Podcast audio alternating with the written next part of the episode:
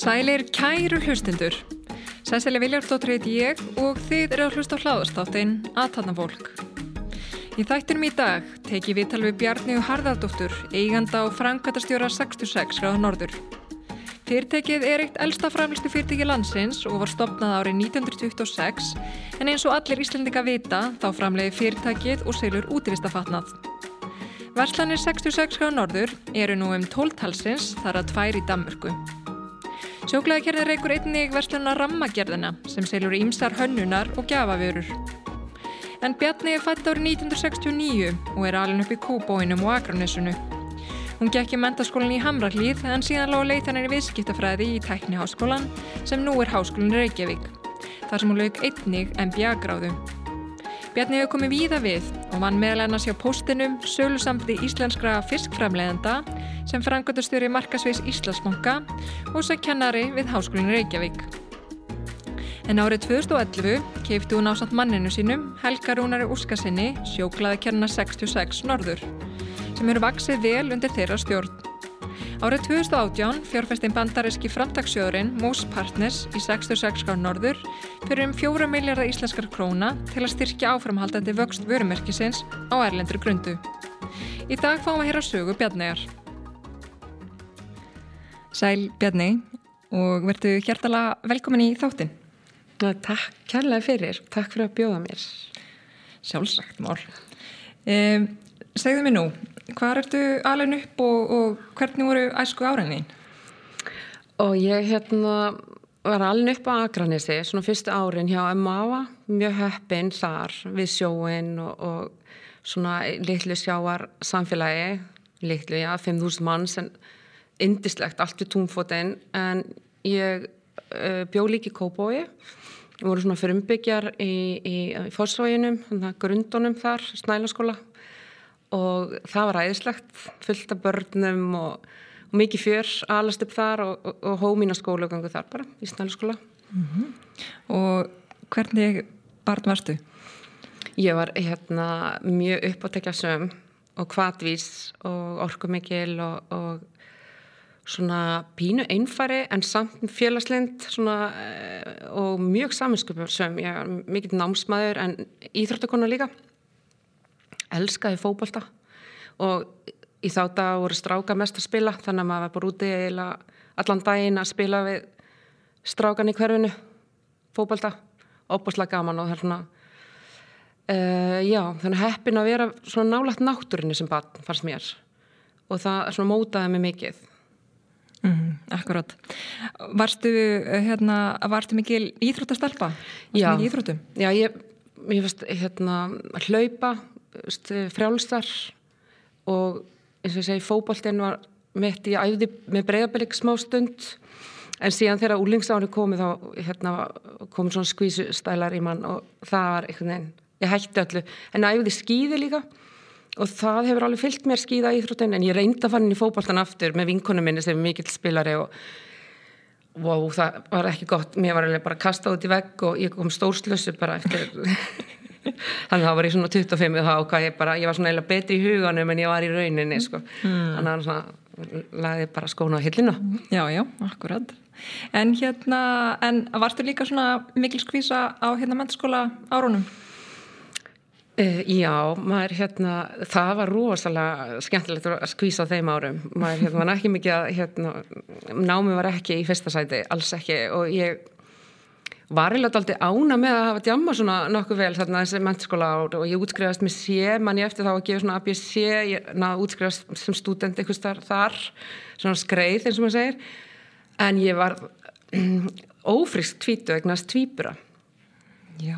Var mamma mjög snemma og mér fannst ég alveg búin að sko, hérna hlaupa mér hodnin þá Já, og var mér tilbúin í það hlautark og, og hérna, og mér finnst það svona eitt af mínum gæfi spórum að það var móður ung því að þá kom alvaran og ég fór í háskólanám og hérna vildi veist, eh, koma undir okkur fótonum og veist, það kom svona veist, ábyrðin strax. Og ég svona eftir að hyggja og mér fannst það alltaf, ég var rosalega ánað með þetta. Og þó veru tvö og ég er svona ung þá eins og ég segi þá var þetta þá kveikti þetta svona ábyrðanappin og ég var mjög svona einbett í að sjá þeim, fyrir þeim og, og hérna hef ég bara lífsins sköngu svona á, hérna, alvarleika hvað sé takast, takast á við bara það sem að svona fullanarsárin strax mm -hmm. og byrja að búa og hérna læra og, og ég vissi í rauninni ekkert hvað ég vildi læra þessum árum og var jáfnvel að hugsa um að fara í lögfræði en var svo hrættum að falla og þá geti ég ekki fengið námslán og þá þyrtti ég að hætta námi og svona, það var alls konar svona hugsanir sem kom upp þér út með lítið börn og hefur ekkert svigurum til þess að að prófa, þú verður bara, þið verður bara takast um, af því að það snýstum bara fleiri en þig. Og hérna svo ég fer í, í tækniskólan þá, tækniskólan og, og fer í viðskiptanám. Og ég fann bara um leið og ég byrjaði að markasfræði, stefnumótun. Þetta voru fögin sem ég brann fyrir alveg frá fyrstu stundi þar mm -hmm. og það var svo áhört, eftir það er það bara búið að vera mitt svið, mm -hmm. þó ég hef unni hjá alls konar fyrirtækjum eða alls konar atvinnugreinum, þá hefur það alltaf verið mitt kjarnasvið mm -hmm. Af hverju heldur það sé? það var, hérna, það var svona þessi skapandi þáttur þú veist, þú ert að móta, þú ert faglegur en að móti þarf að vera svona, þú ætti að horfa fram í tíman en þú verður að hafa agan til þess að framkama á sama tíma þú ert að setja plön og ráðgjara að sjá hvað er að koma og, og, og líka tengja við eitthvað sem er að gerast, eitthvað sem er einhverja grásróti og eitthvað sem er að skapast, það er mjög áhugavert að, og tengja inn á eitthvað sem jafnvel er ekki alveg byrjað. Mér finnst það skemmtilegt. Og, og hérna en líka að sjá betur hvað standa fyrirtæki fyrir? Þú veist hver er sínin veist hvert er það að fara, hvað áherslur hvernig getur við þá einbett okkur þarna í staðin fyrir að gera eitthvað annað búið til virði fyrir eitthvað viðskiptavinn allt þetta er, er svona markasmálinn nótskurð mm -hmm. mér finnst það mjög áhört Akkurat, en síðan útskastu úr viðskiptafræðinni. Hvað tekur við næst? þá, og þetta er svona tíma, þetta er 95 það, það var alveg að því að við höfum oft talað um svona kreppur eða samdrætt í íslensku samfélagi þarna var alveg bara verulega samdrættur og, og hérna það var svona þjóðarsátt í, í, í samfélaginu þannig að það mótti ekki hækka verði að laun. Þannig að það var erfitt að fá vinnu það var mikið aðtunilisi sérstaklega hjá ungu fólki. Þannig að ég var mjög heppin. Ég sá hérna auglýsingu um markastjóra í hérna, hjá post- og símávlastofnuninu ég sótið um, það markastjóri sko postgíros sem var svona greiðslimilun og eiginlega svona starfstími sem var svona í hnignun má segja, var svona hætta daldið, þetta bankastarfsemi postsins eiginlega. Og mér fannst bara það að fá einn titil þó launin hafi verið jafn svona há og þegar ég var, var að vinna í leikskóla þannig að tveimur ára möndan þá hérna tók ég að mér bara til þess að fá reynsluna og fá þessa ábyrð og, og það vald sem fylgdi. Og, og það var sagt, uh, það var það sem ég sett ottin, það var að fá reynsluna í staðin fyrir að launinu annað, þannig að ég fekk þetta starf mjög heppin með það og var í gegnum fimm ár hjá postinu með þannig að það var umbreytingatími það var uppskiptinga á þessu fyrirtæki á þeim tíma. Þannig að ég enda postmegin og, og, og var þar í nokkur ára og gaman að fylgja því eftir. Það var svona ung, ungur hópur sem tók við stjórninu þar og það var svolítið skemmtileg dýnamík sem myndaðist heiminn og síðan ákvæði ég að því að ég hafiði, mér langaði svo að vita meir um vörumerki og, og hvernig þú byggir upp vörumerki og var að horfa til líka svona stærri vörumerkja í heiminum og þannig ég fer sagt, að vinna hjá SÍF sem eru með íslenska sjáaraförður og þau vildi byggja upp íslenskt uh, vörumerki fyrir sjáaraförður á þeim tíma. Þannig að mögulega langa að gera það, taka þátt í því. Og ég var þar í ár og einhvern veginn uh, fitta ekki alveg þar en fannst mér, þú veist það var svona þetta var svona trading fyrirtæki eða svona þeir eru að kaupa og selja. Og það er það er svo mikið langtíma verkefni að byggja vörumerki og það er oft ekki alveg skilningur þar á eðlilega, ég menna þegar út með svona skamtíma auksun þá þú veist það er bara stala næsta degi fiskurinn kemur inn og svo framvegist þá, þá hérna, það bara bæði kostar peninga það kostar, það kostar fullt af starfsfólki og það þarf að hafa sterkast sín og allt fyrirtæki þarf að vera baku það. Þannig að hérna, ég var svona alltaf mikið peð til þess að draga þann vagn. Þannig að ég fer í mastisnám svo eftir það, þetta er nú 2000 og, og er, sé, mér langa alltaf út en ég sá auglist að það var fyrsta skipti hérna, MBA-nám í Háskólinu Reykjavík og ég smelti mér bara, eða þess að sóttum það og vorum indislegur hópur, 30 mann sem tóku þetta í fyrsta skipti og gaman. Og ég breyti þá um starfsvettvang og fer að vinna í heilsölunni sem er heitir núna 1919 eða Nathan Olsen. Og þá ákvæði ég það var svo áhört að fara að þanga inn að því þeir voru með umbúð fyrir General Mills og þar ertu bara með svona, hás, hús fyrir vörumerki, alls konar vörumerki og það eru sérfæringar hverju hodni sem kunna gera nákvæmlega allt sem snýstum eða sem plönin hafa peningarna til að byggja vörumerkið Þannig ég læriði heilmikið að þessari vinnu, þessari fagmennsku sem bara bandarækjumenn hafa og þessir svona hafa bólmagnir til þess að byggja en það eiga þau mörg frábæra vörmerki og, um, og þannig og var í tvö ár þar og síðan fer ég til Íslandsmáka. Þarna varstu komin í þessa vörmerkjastjórnun sem þú hefur svo lagt mikið upp úr. En hvernig var í MBA-náminu? Um, var, hérna, þetta var svona e-commerce hérna MBA-nám, það var alveg, við vorum í há, svona hápunkti eða á hápunkti þeirra bólu. Og það hétt allt í eitthvað, í finance, í um, computer og eitthvað og svo syndi það bara í miði náminu og, hérna, en þetta var æðislega nám að því leiti að við það var í samstarfi við aðra skóla ESC út í Barcelona eða SADE út í Barcelona fyrir ekki og bandarískan háskóla og líka frá Mexiko þannig við ferðumst og fórum í þessa skóla, það var yndislegt.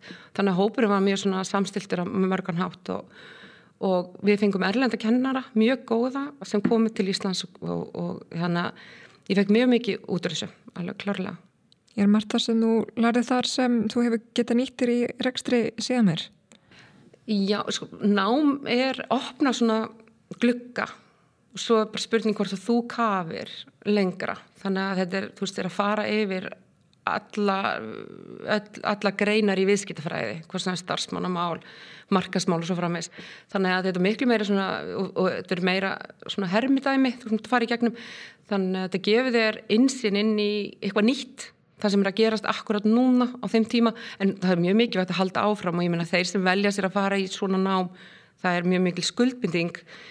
Og, og hérna þannig að þú, þú hefur það áhuga á diffkaði með, með svona lestri. Og mér finnst mjög mikið vægt að ég hef verið að fara í nám svona 5-10 ára fresti alltaf að halda mig við. Ég fór 2008 í AMP hjá ESC, já, ESC út í Barcelona í gegnum háskólinn Reykjavík, Reykjavík það var rosalega skemmtilegt nám líka og AMP er akkurat uh, stjórnenda gráða Advanced Management Program En eins og komst þinn á áðan þá ferði í markasmálinn í Íslandsbanka. Getur sagt okkur aldrei frá því? Já, ég byrja að leysa af í fæðingar. Já, ég byrja bara að leysa af mannesku og hérna og mér langa að fara inn í bankan því að þetta var eitt af stæðstu fyrirtækjum eða þennan banka, ég minna íminn bankageran það voru stæðstu fyrirtækin í Íslandi. Og það var hægt að vaksa að ymstan hátt innan bankan sem ég ást að áhugavert hérna og ég byrja í mm, svona litlum deildum sem er fjármögnun, þess að bílafjármögnun hétt glittir svo deild uh, og svo í eignastýringunum sem markastjórið þeirra uh, eininga og gaman að vinna þar. En svo bara fór í, var bankin að taka þátt eða ætlaði að breyta nafninu á bankanum. Og ég fór inn í það verkefni uh, og nafninu og það var stór breyting að breyta bankanum frá Íslandsbanka glittin og svo aftur yfir Íslandsbanka. Þannig fór í, gegnum þá vegferð þarna á sex árum sem að all, hérna þess að segja málum allt raut og svo yfir að vera inn í það samfélag sem við fyrum eftir hrun að þú veist að, að þessi augmygt og um, og svona hvað samfélagi var allt brotið og, og mikill svona mikill brestur á trösti að fara inn í það sem stýrandi markasmálum var ótrúlega reynsla Mm -hmm. Það er náttúrulega mjög áhugavert sko að þannig að þetta byggja upp ákveði vörumerki og svo kemur sér breyting og þannig þarf þetta að fara í einhvers konar svona varnarstöðu og, og akkurat eins og segir fara að byggja upp kannski ákveði traust aftur sko sem hérna fjallarna niður um, um, um tíma. Hvaða leiðir í rauninni til dæmis fóruði einna helst í því svona til að ná aftur trausti uh, landans? Eh, Málegar tröst kemur með, með verkum og þú byggir með sambandi þannig að það þurft algjörlega að gera það frá grunni á nýjum forsöndum og um, þú gast ekki talað eins og þú gerðir áður með þú þurftir að mik, þú, þú, þú gast ekki verið að sína brostandi fólk eða fólk í einhverjum sigurum þannig að eftir þetta að það var ákveðið samfélag var ekki tilbúið það gildin breytust og menningin breytist og ég held hún varanlega breyst í samfélaginu eftir þetta myndi ég segja. Já, ég er sammálað því. E, þú varst alltaf síðan sem frangundstjóri Merkasviðs. E, hversu lengi varstu hjá Íslandsbanka? Ég var í sex ár hjá Íslandsbanka og það, það sem gerist líka er að það það brast ákveðu tröst hjá starfsmennum líka, gagvarsbankanum og ég aðna eftir og ekki bankanum, bara almennt kerfinu þú veist og mér fannst ég var búin að vinna í sex ár og ég var búin að gefa svo mikið í starfið og sagt, um, það var svolítið gaman þú veist með fólki sem að er hérna svona sérfræðingar og allir jafningar svo, svo skemmtilegu vinnustæð mikið á ungu fólki og það var vöxtur og það var, var alþjóðlegt og svo margt svona áhugavert um, út frá því séð. Og, og þú kannski svona settir vinnuna alveg í fyrsta sæti. Þú gafst mjög margt frá þér og svo fórst að hugsa betur fyrir hvað svo var þetta veist, ekki það sem þú helst kannski. Og þá langaði mig mjög mikið að fara í mitt eigið þarna. Það var okkur svona þáttaskil ég var að vera færtug stóð tímamótum og ég sagði ég vil gera eitthvað sjálf þar sem að ég vil byggja merki vörumerki sem að getur gert eitthvað fyrir Ísland veist, getur verið brautriðandi mm -hmm. og hérna og ég hafði í gegnum það að vera að kenna vörumerkistjórnun skoða mörgum vörumerki og flest þau sem ég notaði voru bara Apple og IKEA og allir þessi erlendu Coca-Cola típisku merki í náminu og líka þegar ég var að læra sjálf og ég hugsaði að mér langaði að sjá eitthvað íslenskt merki mm -hmm. sem að kæmi hérðan og gæti rutt brautina fyrir önnur íslensk merki svona þessar verið svona fulltrúi fyrir skapandi greinar hér í Íslandi og mér fannst 66 gránorði geta verið það. Og maðurinn minn er, hefur áallt reykið sín eigin fyrirtæki frá byrjun fyrir utan stuttstopp í Íslandsbanka. Og hérna þannig fyrir honum lág alltaf að halda áfram á þeirri braut uh, þarna eftir hún og hann var að skoða fyrirtæki og ég húsa að ég aðtöða með 66 krónar sjáðu að því við hérna, við höfum heyrt að hefur var til sölu eða það var svona einhverju þreyfingar hann fyrir inn þar sem er ágjafi 2010 og 2011 er hún bóðið að vera eða þannig um áramótin er hún bóðið staða, fórstjóðstaða fyrir fórsturinn sem það var áður hættir. Og hann kom inn bara með það í huga að ég hef áhuga fjárfest í félaginu og mér langar að byggja þannig upp að ég kom inn sem eigandi. Og þá var auðu kapital í þann, það var, voru viðræði við að, þá að selja það fyrirtæki, eða þess að 66 fangað, þannig að við komum stegum strax inn í það. Og við áttum náttúrulega ekki það fjármagn til þess að kaupa það fyrirtæki en við fengum stefni með okkur í lið.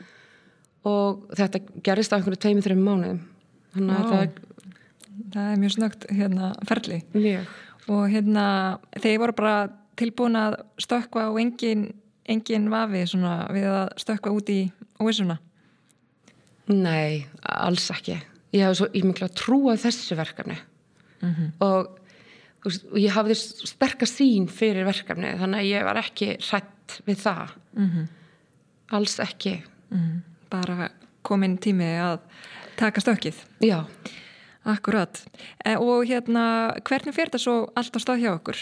Þegar hérna, sagt, kaupi ykkur inn í félagið með hjálp stefnis og hvað svona, hvað teku við? Hver er stóra sínin? Hvað langaði ykkur að, að, að, að kannski laga og, og, og svona, hvað vildi þið keira á?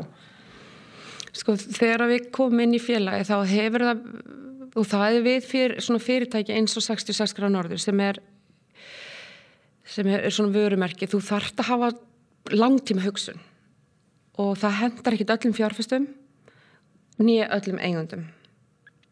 Þannig að, að við fundum að, að það að félagi var búið að vera aðeins í sölu meðferð, í, það hefur ekki kannski góð áhrif á vörumerki eins og þetta um, þannig að það fyrir svolítið byggstaða þá mm -hmm. um, á stað kannski þú vilt ekki fjárfesta inn með þeim og, og sem það þurft að gera. Og það var klárlega fyrsta verkefna, það þurft að fjárfesta í hönnun sem við gerðum og höfum gert í mörg ár. Þannig að um, það hefur allt farið í það. Fjárfesta í hönnun við erum eiginlega með svona stæðstu hönnunadeild á landinu. Uh, fjárfesta í nýjum efnum og gæðum, stærri saumastofu, bara inn í framleysluna því við erum einn framleyslu, tölvukerfum, búðunum okkar, markasetningu, fólki, öllum þáttum. Mm -hmm. En hérna hefur sínin uh, þarna í raun þegar byrjuð og svo í raun hvernig er í dag, hefur þetta mikið breyst eða er þetta bara svona, hafið kannski doldi verið bara með hérna ykkar uh, sín og, og stefnu og í raun doldi kannski náðu bara fylgja henni eftir eða hefur þetta mikið breyst eða Alveg sama sínun, allan tíman Já. að byggja upp eh, svona fyrsta neytindamerkja eh, merkja á, á, á, á Íslandi? Já, frá Íslandi.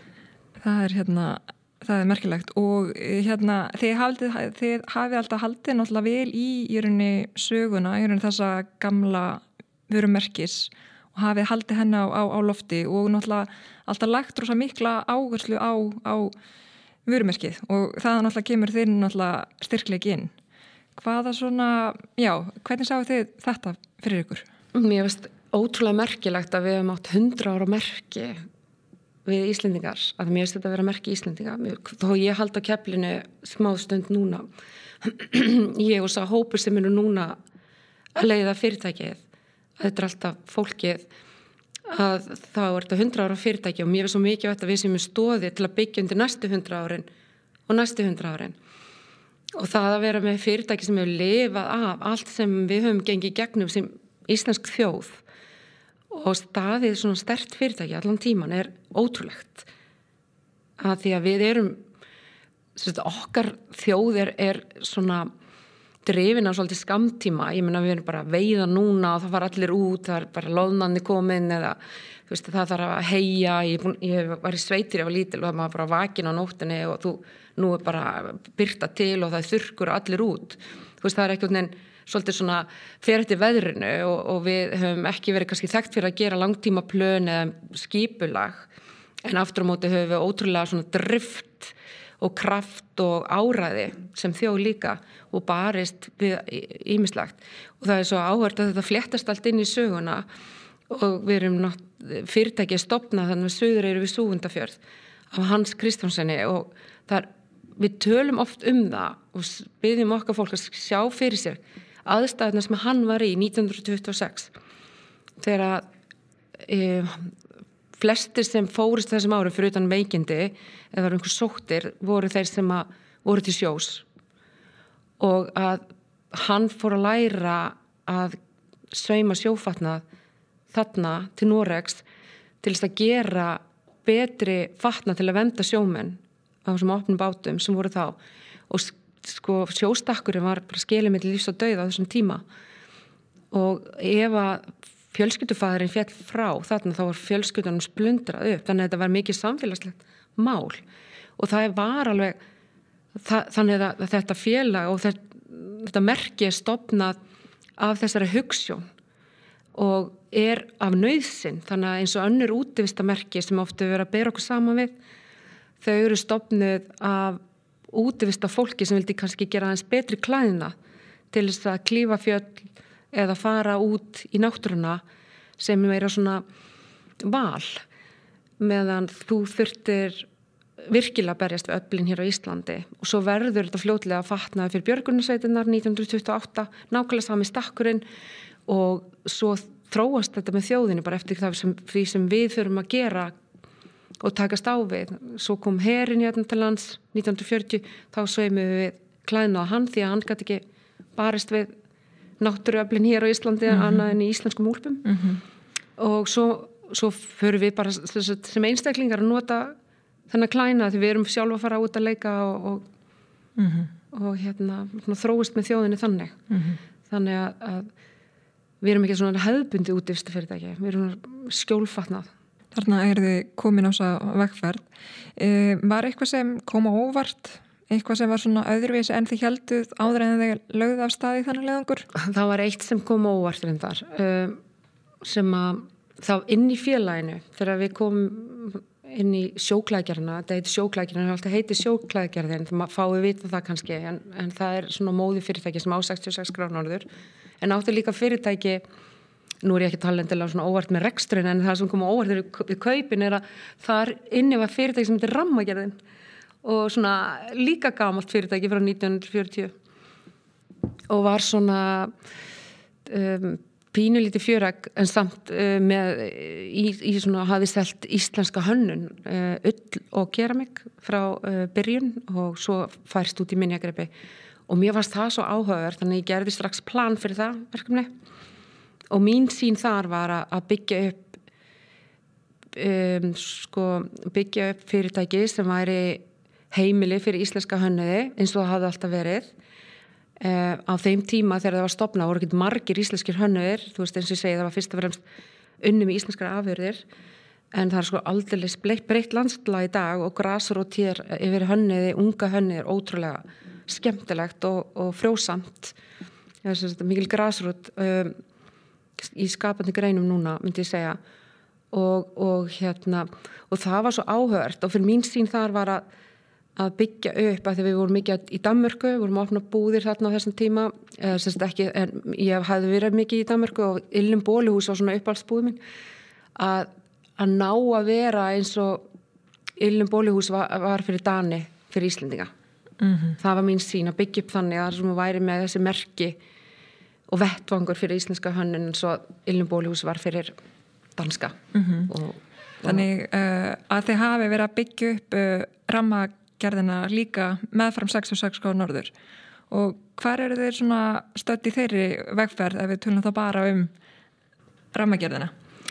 Já, hún um, rammagerðin er, sko fyrst og fremst erlendi gestir hafa verið viðskiptavinnir rammagerðin og alltaf tíð. Og það var alveg hugsað þannig að Íslandikar átt að koma í rammagerðina til að kaupa gafir fyrir erlenda gesti og vini út sem að saknaði einhvers sem var íslenskt. Um, síðan þannig að til dæmis núna í í COVID-fárinu þá lokanindnar um, hafði mikil áhrif á ramagerina því að veist, það er flug, á flugvillinum og uh, perlunni lafa þannig að þetta er svona staði þar sem erlendi gestur staðistir hluti við viðskiptavina mm -hmm. en við höfum nota tíma til þess að uh, endur gera búðunar og tengja við Íslendinga meira og það hefur og átt samtölu við hvern einasta hönnu á Íslandi sem er að gera spennandi hluti og það hefur verið mjög gefandi og búðnar eru búin að taka miklum breytingum bara núna síðustu mánu þannig að þetta gaf okkur svona ráðrúm þetta reyna að horfa á jákvæða mm -hmm. til að endur, til að innleiða kannski stefnuna hraðar að því oft þegar úr áfullir í syklingu þá er það erfitt að stoppa til þess að gera kannski grundvallabreitingar með mhm. fyrirtækinn eins og að breyta þeim algjörlega að prófa eitthvað nýtt. Mm -hmm. að því hittir að seljast COVID hefur kannski opnað þannan glugga og, og þegar það hefði haft rými til að endurhugsa hlutina. Uh, frábært að þessi komin verslun fyrir ís íslenska hönnið að koma sér á framfæri og selja vörunum sína. En ef við snúum uh, aftur að 66 gráð norður þið kaupi félagið og, og takir rúman meir hluta í byrjun en, en síðan ákveðið eftir nokkur ára að kaupa allt félagið Hvað kom til að þið ákveðu það? Um, við ákveðum að, að það væri best, að, best fyrir félagið að út af við sáum að þetta myndi taka lengri tíma. Veist, það, þurfti, það þurfti það mikla fjárfestingar inn í félagið þannig að það var ekki kannski hægt að borga út arð eða að, hérna, að það væri betra fyrir okkur að kaupa fjárfestan út og en við vistum að við þurftum fjárfesta en kannski eh, fjárfesta með lengri tíma hugsun og sem væri kannski meira stefnumarkandi inn í félagi hefði gert þetta áður sem við vorum að gera og gæti opnað sambönd og hjálpa okkur í vegferðinni. Þannig að, að við fórum af stað 2017 í það verkefni sem var algjörlega leitt að helga rúnari. Uh, og við fengum rottjald með okkur í að finna rétti aðlana og um, og við sagt, leitum svona private equity meira. Og það það var ótrúlega skemmtilegt verkefni í sjálfu sér að því að þú ert svona að býna svona uppgjör við svona verkefni þegar þú ert að fara að finna fjárfesta og finna réttu að því þú þarfst að fara í gegnum allt og skoða allt og skoða eignirnar, það er ákveðin ástandsskoðun og, og hérna þannig að það var og líka skerp á síninu og skerp á stefninu, þú ert að fara í gegnum allt þetta. Mm -hmm. þannig að myndast mikil kraftur í kringum svona verkefni og það var mjög skemmtilegt. Já og akkurat náttúrulega þú ert að veitna í þarna þegar uh, mús uh, partners sem er þá akkurat uh, stýrt af fjölskyldinu sem á tískuhúsið Chanel kemur inn og hérna með hilmikið pening bara til að styrkja þessa vegferð þetta er alltaf heilmikil viðkynning uh, bæði á ykkar starfi og náttúrulega vörumerkin og, og greinilega e, hérna, er þessu aðilar að tengja mjög mikið ykkar framtíðar uh, sín. Hvað hérna tók þetta langan tíma og hefur, hefur fyrirtæki mikið breyst við þetta eftir að þið tókuð inn í rauninni pinning frá þessu erlenda fjárfæstekafélagi? Þetta tók ég svara fyrstu spurningunni það tók þetta hérna þetta hófst um hausti, hausti september hérna eitthvað svo leiðist 2017 og við kláruðum þetta í júni 2018 Já. og fórilega svona fullt skriðið í, skrið í april þannig að þetta tók í rauninu ekki langa tíma. Þegar að viðraður hófust og það voru nokkur nokkur aðilar sem var mjög mikið það var ekki gott, það var bara einn. Það var svona aðeins minna sjálfströst og minni samlingstöðu en hérna, þannig að það var alveg þannig og, og, en það sem þeir voru höfðu sem að um, við sóttumst eftir er að þeir, er fullt tröst um, uh, algjörlega þólumáður þólumátt fjálmagn uh, þannig að þeir, þeir eru ekkert að fara að fara þeir vilja vera þarna í, áfram til lengri tíma. Þannig að það var ekki svona eitthvað þryggjar á glöggi, fimmar á glöggi þá átti eitthvað að gerast það er ekkert svo les mm -hmm. og það er óbúslega, þeir eru ósláð góði samstagsæðilar að því leiti til að þeir eru með mikil sambönd og þeir vilja vanda sig þú veist, þau vilja engin mistök þannig að við þurfum að þú veist, það er engin læti í neinu þannig að það er ekki, þú veist þannig að það hefur verið mjög gott að vinna með þeim og í COVID við hefum fundið að að hérna þeir eru náttúrulega mörganu fyrirtæki en okkar líka þannig að þetta er sjóður sem á í já, fyrirtækjum með Evrópu og Bandaríkjunum sem þessi fjölskyld á að hérna þeir hafa líka þá samabörð og veist, þeir eru ánaði hvernig okkur gengur og svona þannig að við finnum það, þetta tröst og þetta er þetta samstarf bara þryggja ára gamalt en það hefur aldrei og það er það sem skiptir er virðing og tröst í upphafi í svona samstarfi mm -hmm.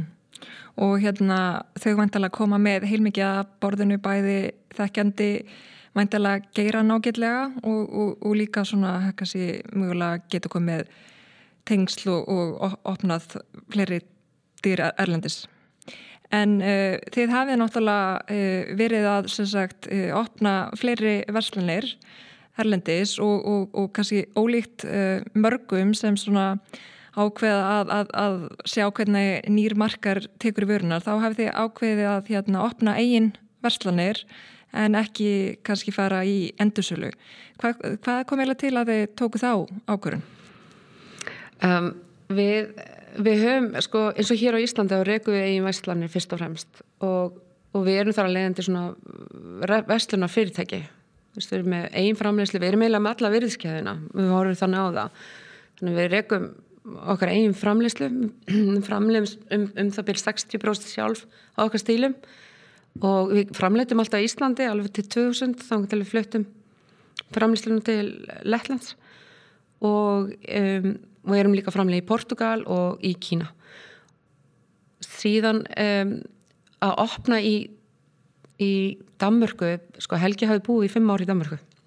Við ætlum alltaf að opna eigin veslanir, það var alveg hlutastefnunu um, og það, það er svolítið svona merkilegt með okkur uh, hérna, og það, þetta var svona ákvörðun tekin svolítið að mér að helga og drifin áfram þannig. Þannig að það voru ekkert endilega allir með okkur í fyrirtækinu fyrst en þau komu öll. En þetta var líka til að sína að við trúum, það, trúum því að til þess að fyrirtæki og merki lifi næstu hundra árin þá þurfum við að taka þetta skref. Mm -hmm. þess að verðum að hugsa út fyrir landsteinina mm -hmm. en gera það varfæri samt smáður um, og svo við læruðum svo ótrúlega margt á sig þannig að okkur fannst þetta lítið skref Helgi þekkti eins og segi var búin að búa hann í fimm ár og hafði opnað sjálfi 19 búðir þar söpvei búðir og hérna þannig að þekkti og hafði tengsl og þekkti markaðin. Þetta var lítil markaður og við hefum setið undir dönsku krúninu í 500 ár mm. og okkur fannst við svona pínu, þetta væri heimamarkaður fyrir okkur mm -hmm. og þeir áttu ekki yfirhafnabrand. Mm -hmm. Þeir áttu ekki vörumerki eins og 66 gránorður. Þannig að við leitum á þetta svona heimamarkað mm. sem við bótar. Þannig réttlættu, eða svona náðu að réttlættu það fyrir okkur og, og það, þetta var ótrúlega skemmtilegt verkefni brjálið vinna og svona þetta, er, þetta er bara taka þetta er svona fyrst að vera breyk íminn í dag við erum að tala um sex árum eftir. Mm -hmm. að við gerum þetta. Þannig að þú ert á úttald og við fluttum að sko, út svona hálfpartinn á tímbili.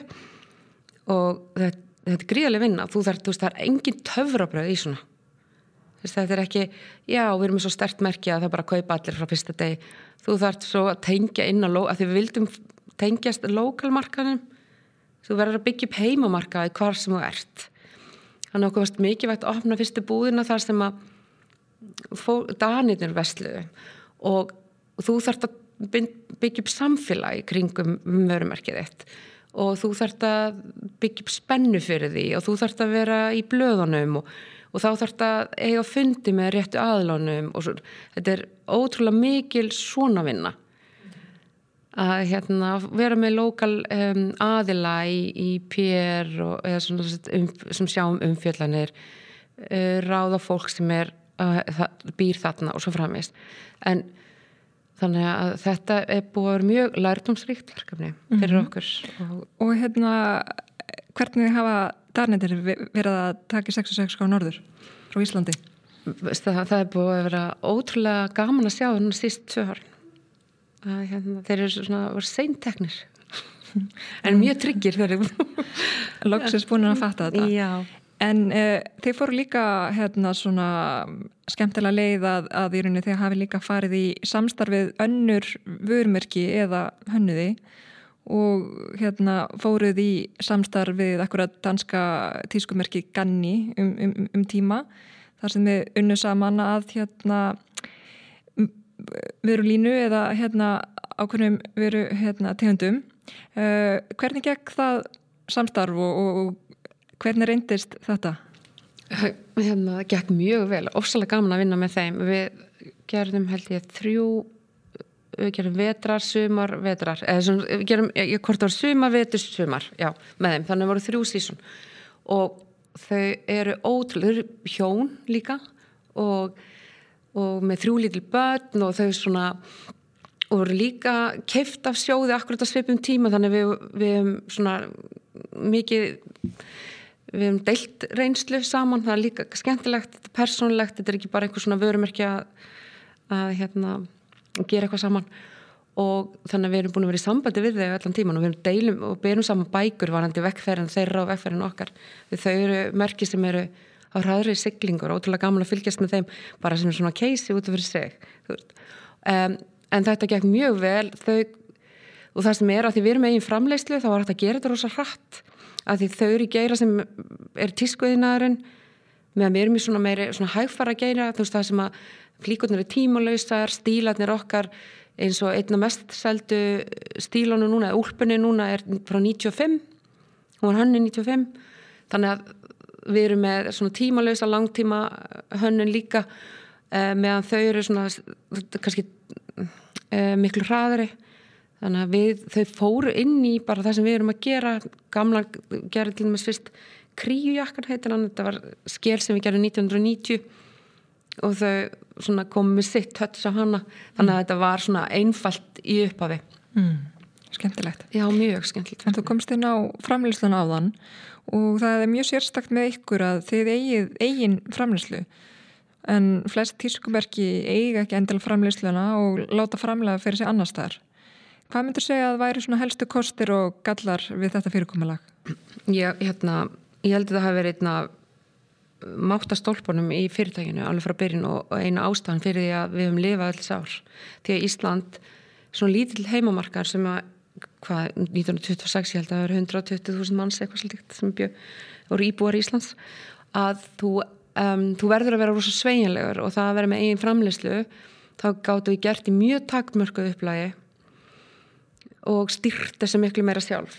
Um, það, þannig að svona og ég segja oft þú veist að þegar að vera að tala um svona sjálfbarni og, og ringrásarhagkerfin þá fyrir mér þá er þetta mótel, þetta viðskiptamótel sem að 66 gráður norður hefur er, er mjög sjálfbart í eðlisínu út frá því því bara hvernig það hófst. Að vera með eigin framlýslu takmarkaða framlýslu þar alveg þannig að við erum ekki að sapna miklu á lager við erum að nota afgangsefni í töskur, vetninga þannig að við stýrum alveg öllu þannig að nýtnin og ráðdeildin sem kemur svolítið svona frá því að vera úr fátæku samfélagi sem Ísland var á þessum tíma hún er svona hlut á DNA-inu gæði, ekkert endilega útlita á þessum tíma. Þannig að það að hafa þessa e, okkur eigin framlýslu var ótrúlega mikið bara til að lifa á íslensku markaði. Og, og hérna í staðin fyrir að þurfa að fara út, kaupa þúsund, tvö stykki til þess að halda einhverju einingaverði niður og svo fara með, við þurftum aldrei að gera þetta þegar að fyrirtæki hafi ekki bólmakt til þess að eiga kannski að því lagerar geta farið með fyrirtæki mm -hmm. Þannig að, að eh, þetta veitir þá heilmikinn svona sveinjanleika og eins að geta hérna, að hraða hlutunum ef svo byrjundir Algjörlega. En, en hérna síðan eru þau náttúrulega eins og uh, margi vita þá, þá seljiði í þessar falli útvistar uh, flíkur og jafnvel tísku flíkur líka. En, en síðan seljiði heil mikið sko af vinnufötum uh, bara hérna beint til fyrirtækja. Og það er náttúrulega bara góður hluti veldu fyrirtækisins. Kemur þaðan, getur aðeins sagt okkur frá því? Já, svona tvennslags. Það er annars vegar uh, sjófatnaður sem hefur alltaf verið hluti og við hefum alveg haldið því og, og okkur þykir mjög væntum þá arfleð í af okkar starfsemi og svo hins vegar svona fatnað sem er í rauninu bara fatnað sem við gerum fyrir alla sem er svona starfsmannafatnað kannski. Ef þú ert með útivista fyrirtæki þá klæðistu skil og hún kannski mert útivista fyrirtækinu. Þannig að þetta er þetta er annars vegar sér gerður fatnaður og hins vegar uh, starfsmannafatnaður, já, þó þetta er alveg stór hluti af okkar starfsemi, klárlega. Mm og við vorum einu sinni með að við eiginlega framleitum fyrir all laurugluna, slökkulið þau veist, björgunusveitir og svona veist það hefur mingað Ég ger hér stuttli á þættunum til að segja ykkur frá okkur frábæru kostunaraðalum en var ég búin að segja ykkur frá aukuvísi Já, ef þið bara vissið, það er tekninýjung sem virkar. Aukuvísir er farsímaforrið sem fylgjast með því hvernig þú keirir og veitið þannig óterri bílatryggingar hjá vís. Þú stjórnar verðinu, því betur sem þú keirir, því minna borgar þú. Síðan er kaffi frá kaffitár svo gómsætt. Það er bara þannig. Vistuðu að kaffitár er líka með vefverslun, kaffitár.is og það er hægt að versla kaffi og aðrar vörur og það er sendt um land allt. Þið hafi verið að leggja meiri áherslu á vörumerkið og haldið alltaf í Íslandingana og, og, og síðan er, er náttúrulega þessi erlenda sók. E, hvernig hefur síðan erlend sala verið á móti íslensku heimasölunni? Sko, er, núna í COVID þá hefur vefsalan tekið ótrúlega mikið við sér og hún var að gera það en við erum að sjá ofsalega helbirana góðan vöxt. Við hefum fjárfæst líka mikið þar, vorum byrjuð á því, bara leið og mús kom inn þá var áherslan þar. Og hérna við fjárfæstum mjög mikið í þeim innviðum og, og síðan þannig að það var sem beturfer þannig að við erum að sjá mjög heilbyrjan og góðan vext utanlands Íslandi ég er svo þakklátt fyrir um, heimamarkaðin okkar. Það er ekkit gefið og, við, og fyrir mér er Ísland og Íslandingar alltaf kjarnin í öllu hjá okkur mm -hmm, Akkurat uh, en, en í þessu ferli öllu svona, hvað svona persónulega finnst þér er einu skemmtilegast uh, við þetta? Af hverju er þú að gera þetta? Hvað drýfur mig áfram? Um, mér finnst gaman þegar ég það sem drýfur mig áfram er, er þessi, að, að ná þessari sín að koma koma merkinu áfram og á þann hátt að, að við erum að sjá sko, mér langar ekki bara að koma vörumerkinu áfram svo að selja meira og stækja og stækja og stækja mér langar að koma vörumerki frá Íslandi sem stendur fyrir gildin sem við á Íslandi stendur fyrir. Og við erum með náttúruna, við erum með hreinleika. Mér langar að vera merk sína að vörumerki geta verið sterk, lifað arbær en líka sjálfbær. Með því að framlega minna, með að framlega tímalösa flíkur, velja efnin vel sem við erum með og gera það sem við erum að gera. Mm -hmm. og vera þannig svona fyrirmynd sem ég finnst Ísland geta verið fyrir heiminn. Við erum til fyrirmyndar hvað það er jafnrétti, mannréttindi við erum reynd vatn, við erum óbúslega fallegar auðlindir hérna sjálfgefnar en við erum uh, með reyna orku og við höfum svo margt að segja, við erum örugþjóð líðræði og getum orðið svo fyrirmyndin þar í svo mörgu. Og mér finnst að sama tíma við sem merki höfum þá ábyrð ymmit að gera það. Mm -hmm. sem, í þessar vekkferð sem við höfum öll sem bara heimurinn mann til lofslagsmál og annað að sína að fatamerki getur gert hlut, hlutina eins og rétt og hægt er að gera það mm -hmm, Akkurat. Og er unni að láta þetta allt eða uh, speiklast bæði bara frá Íslandi og hérna saga Ísland uh, inn í vörumerskið en síðan er þið líka mjög lægin við þú veist, þið eru með þetta eldgamla vörumerski í raun en síðan hafið all, alltaf verið að halda halda eitthvað við og náðu líka að tengja til í rauninni yngri, hérna, yngri markhops sem finnst alltaf jægt flott að klæða 6 og 6 skora norður. Hvernig hafið þið eiginlega farið að þessu? Það, sko, það er náttúrulega, má þakka hönnuninni fyrir það. Þú veist að við erum með ótrúlega flotta hönni hérna, og líka að vera í samstörfum og opna merkið, ekki vera bara svona átt að vera. Við þurfum alltaf að vera að horfa fram á við hvað er viðeigandi, hvað, hvað, hvað er að gerast og við erum, við erum mjög framstækinni því að, en samt með okkar e, trúveruleika að þetta á að endast, þetta er ekki flíkur þess að það er gæðin og efnin og þetta er eins og til dæmis ég var nefna tind e, úlpunni sem hann gerði 95 hún er gerð, það tekur tvo dag í höndunum að gera þessa flík þannig að það er alveg, þú finnur það líka og ég held að það sé það sem unga kynslónu líka leita eftir það er þessi gæði, ending þau mm -hmm. en líka verður náttúrulega að vera flott, það er að fyrsta sæti sko. já, og, og þau eru náttúrulega öll eh, komin á þessa línu og hérna, eru búin að átta sig á þessu samspili öllu saman. En hérna, já, en það er búin að ganga vil hjá okkur að hérna með fyrirtæki það er búin að vaksa og, og hérna gengur verið með vörmyrskið en svona hvað er það sem, sem hérna er kannski ekki búin að ganga alveg jæfn vel, hvað hafa svona verið erfistu tímanir hjá 66? Um, erfiðustu árin eru klárlega þegar við vorum mjög skuldsett og, og það var tímabilsnið var þannig og þá það var mjög viðkvæmari viðkvæmari stöðu gagvart bara að má ekkert koma upp e, út að bræða og þú um, þannig að, að það var tímabilan einhver tvö ár að, og, og þú ert þannig þá sefur ekkert vel sko, alls ekki. Og, og þetta hefur mikil, mikil áhrif á allt bara veist um, þannig að, að það var svona ég myndi segja að það var einn mánu þar sem við virkilega vorum hrættum með laun en annars var þetta ekki svona, hérna, fór ekkert illa en, en þetta var virkilega verkefni sem þurftum að leysa. Og, um, og við vorum hjá landsbankanum og hann var mjög þólumöður og stutt okkur alveg í gegnum það tímabil því að við urðum, við vildum finna réttu fjárfestana, við vissum að við þurftum að finna, fá fjármagnin félagi en það, við vildum finna réttu aðlana og það er verkefni sem þarf að vinna faglega og taka tíma. Þú vilt ekki hlaupa að einhverju sem að því að samstagsaðarleitin skipta svo miklu máli upp á að fyrirtæki geti vaksið eðlilega. Veist það geti, ef það er ekki réttra geta myndast tókstreita og, og hérna og það geti tafið eða þú vilt ekki lendi ykkur slíku. Þannig að, að, að við þurftum að vanda vel og sem betur fer og, og þetta gekk allt upp þegar maður horfið tilbaka en þetta tímabil var mjög, mjög erfitt. Mm -hmm.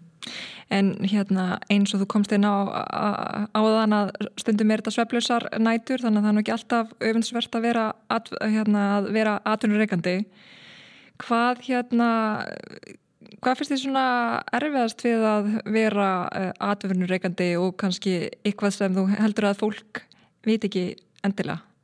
Það er áskorunin er að þú, er hérna, þú hefur alltaf, þú ert alltaf með huga með fyrirtækið þitt og það er fullt af söflusum nóttum og ekki bara út af áhyggjum heldur líka bara því að það er eitthvað spennandi sem þú sérð og vilt grýpa eitthvað tækifæri vilt koma ykkur í gang þá, þá hérna, þannig að þú, þú ert alltaf að tala og hugsa um fyrirtækið eða þau verkefni sem þú ert að gera.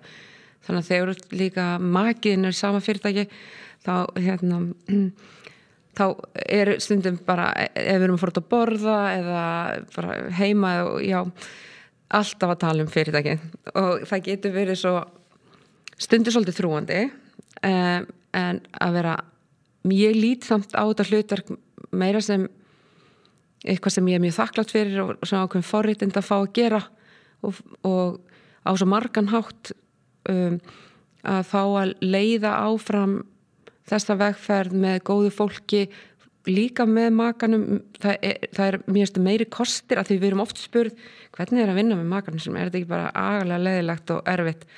En það er það ekki og það er alltaf betra og betra eiginlega því að að fyrst e, þegar álæðið var kannski meira eða við kannski höndlum það betur núna reynslan kennir maðurinn líka heyrðu, ó, við þurfum ekki að mista svefni þessu.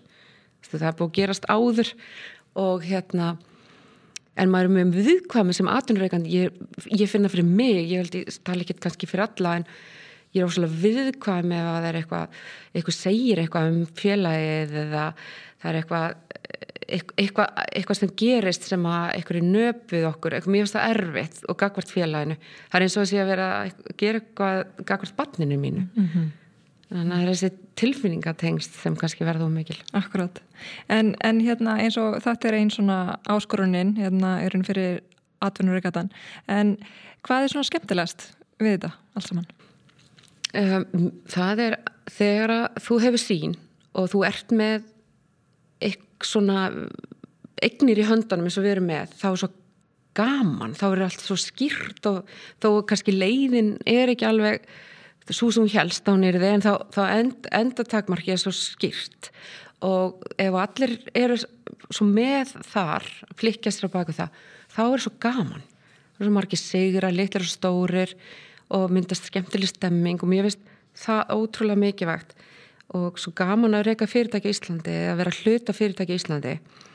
Það er svona jafningja menning við erum allir jafningar þú veist það er enginn ykkur yfir öðrum og, og mér finnst það svo áhverta sem er að gerast líka í fyrirtækjum þó við séum með gamalt fyrirtæki og kannski er hafi verið svolítið svona Uh, svona, með síló og þú veist þetta er framlýslu einingin og þetta er hönnunar einingin og við tölum ekkert mikið saman. Þá er það alltaf brotna og mér finnst svona fyrirtæki dagsins í dag en þess að myndir til þess að komast áfram þá þurfum við að vera miklu meira uh, tilbúna aðla okkur og vera svona verkefna, meira verkefnadreifin og mér finnst það svo gaman í núna, þessu umhverfi að vera mm, aðla með hópa sem eru mismunandi. Þú getur verið leitt þennan hóp núna en á morgun ertu kannski hlut af honum.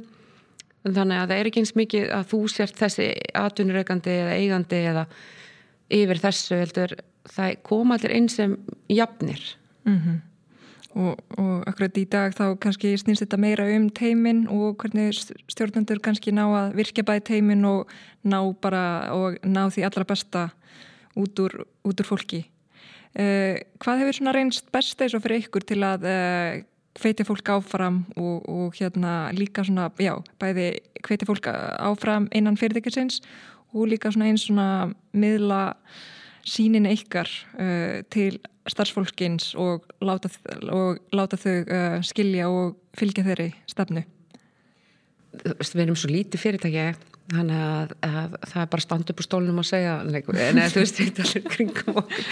En nei, sko það eru þessi veist, það tekur ok, þó við sem á netinu mikið núna og svo frammeins, þá tekur ekkert frá okkur þess að mikið væði þess að hittast.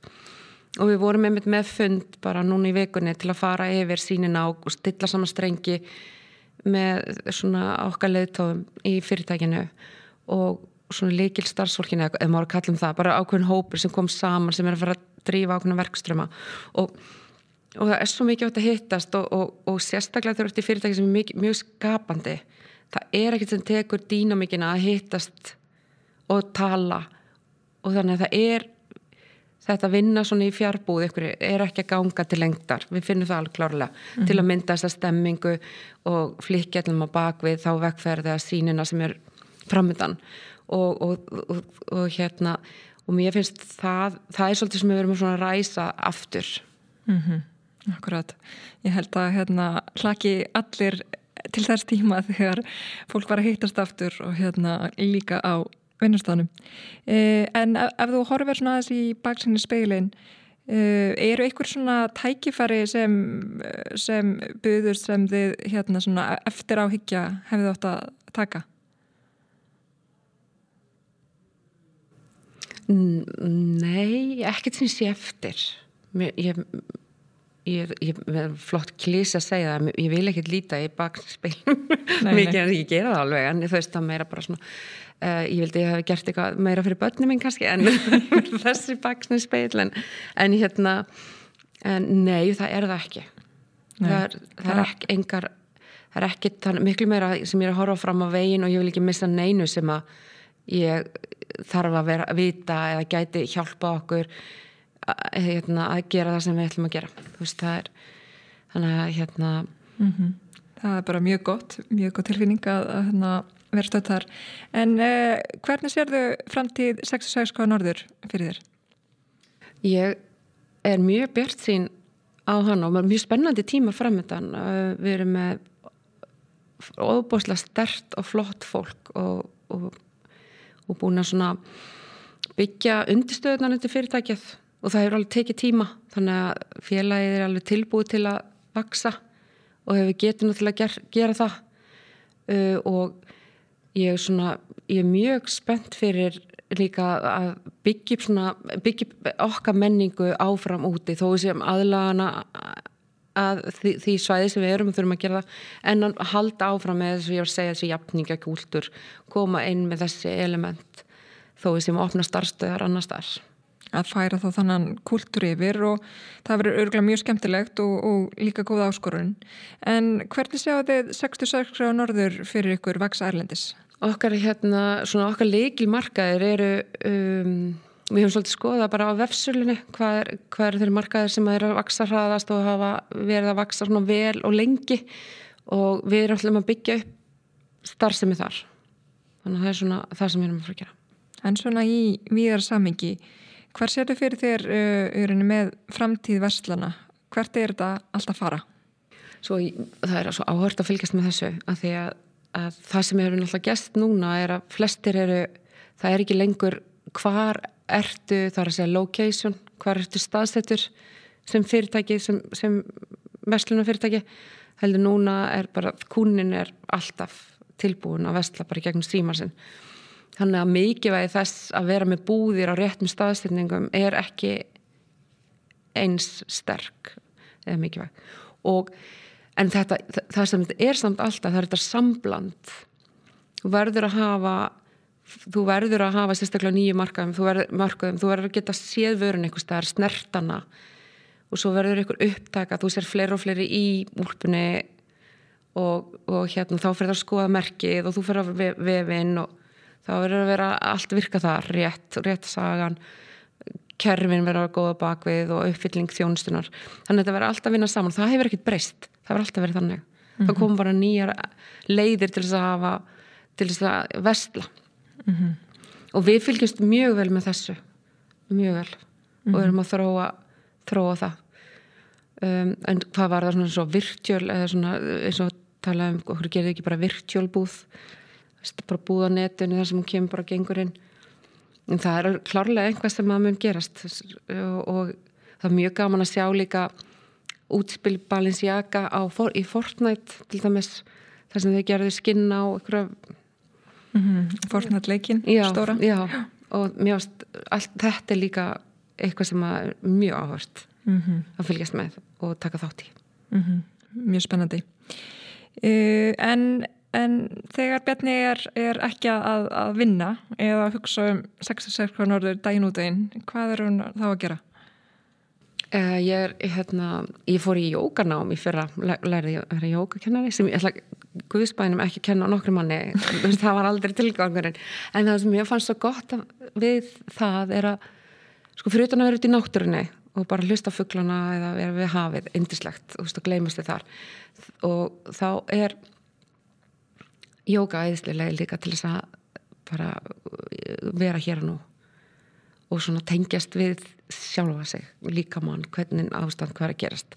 Þessi, ég get ekki farið í ákveðnar stöður eins og til dæmis treð ef ég er eitthvað ekki jafnvæg það er svo merkilegt en ég bara veit ég bara. Mm, og, líka, og líka bara góð leið til að kvíla sig. En þú er greinlega mannska sem er alltaf að, að læra út í því að ég veist svona ekki af þessu jókanámi en, en þú veist að segja mér á þann hérna í, í byrjun að þú voru líka ljúka hérna öðru námskeiði. Þannig að raun, þú heldur hérna vel við. Svona hvað hefur virkað vel fyrir þig að þróast í starfi? Og, og, og eins sko hvernig hefur þitt starf kannski breyst innan 66 gráður norður í gegnum þessi ár? Já, það, hérna, það er, það er, mér finnst rosalega mikilvægt fyrir mig að læra endalist og vaksa og opna fyrir eitthvað nýtt og það þarf ekki endilega verið í viðskiptum einmitt eins og jókanámið og mist kynverska lækningar mjög áhugaverðar líka hérna, allt svona náttúrulega eh, sem tengist náttúrulega eh, og eitthvað árþúsunda sögu. Uh, ég, já, ég kláraði námi Sustainable Leadership uh, núna í desember, það var alveg dásanlegt bara til að komast. Og þá er líka það er svo mikilvægt um, að tengjast einhverju nýju samfélagi sem er að eins og þarna með að fara í námi einhverju að taka námskeið eða diplóma eða hvað maður gerir, að bæta við sig þá ferðu inn í samfélag sem er að hugsa eins fólk sem er að leita af lausnum eða vilja vera í farmvaraðsveit einhvers. Og mér finnst það mjög spennandi hérna, þannig að ég sé mig alltaf halda því áfram. Og þegar ég byrjaði hjá 66 þá var maður að marka stefnuna við erum komið allir á sama stað brenna fyrir sömu sín uh, velja svolítið liðið og ég hef verið ótrúlega heppin með það til dæmis uh, og unni með fólki sem var bara vaksið með mér þannig að ég hef getað sleppt tökunum vel mm -hmm. og, og það hefur bara mjög gott fólk með mér og ég held að það sé að líki ladri mm -hmm. og treysta því gefa því vald og umboð og vinni þetta gegnum verkefni en alltaf samt, þú veist, að, að, að, og það er svo mikilvægt fyrir alla að taka þátt í dag ég finn það með þeim sem veljast allan til okkar að þeir vilja taka þátt í stefninu, þeir vilja móta sínina með okkur, þeir vilja vera með, þeir er ekki svona um, þeir er ekki sama, alls mhm. ekki mm -hmm. Þannig að þau svona eigi eitthvað í fyrirtekinu líka á, á sama tíma og það sé drivkaftur eru líka fyrir stafsmenn Já En svona að lókum Hvað myndur segja að sé uppbóls minningi þín frá uppbyggingu 66 grónorður síðustu tíu árin? Það er alveg nokkra, en mér finnst það, það sem var svona á, mesta áskorunin er líka minningin sem að stendur upp úr. Hún kannski ekki alltaf besta, en jú, hún var alveg góð svona eftir á. En það var þegar við vorum í Danmörku að berjast hægri vinstri. Mér varst það hérna, svona áhugaverður og mjög lærdómsríku tími En hverju ertu stoltist af? Ég, hérna ég, sko, ég er ósað þakklátt fyrir margt og ég er svona um, ég er svona þakklátt fyrir að fá að vera í þessu fyrirtæki og vinna með fólkinu sem ég er að vinna með og ég er mjög ég er ekki endilega stolt af einhverju sérstaklega verkefni mér finnst ég alltaf geta bætt mig. Ég er svona þessi, þú veist, mér finnst alltaf að geta gert betur svona pínu e, þar.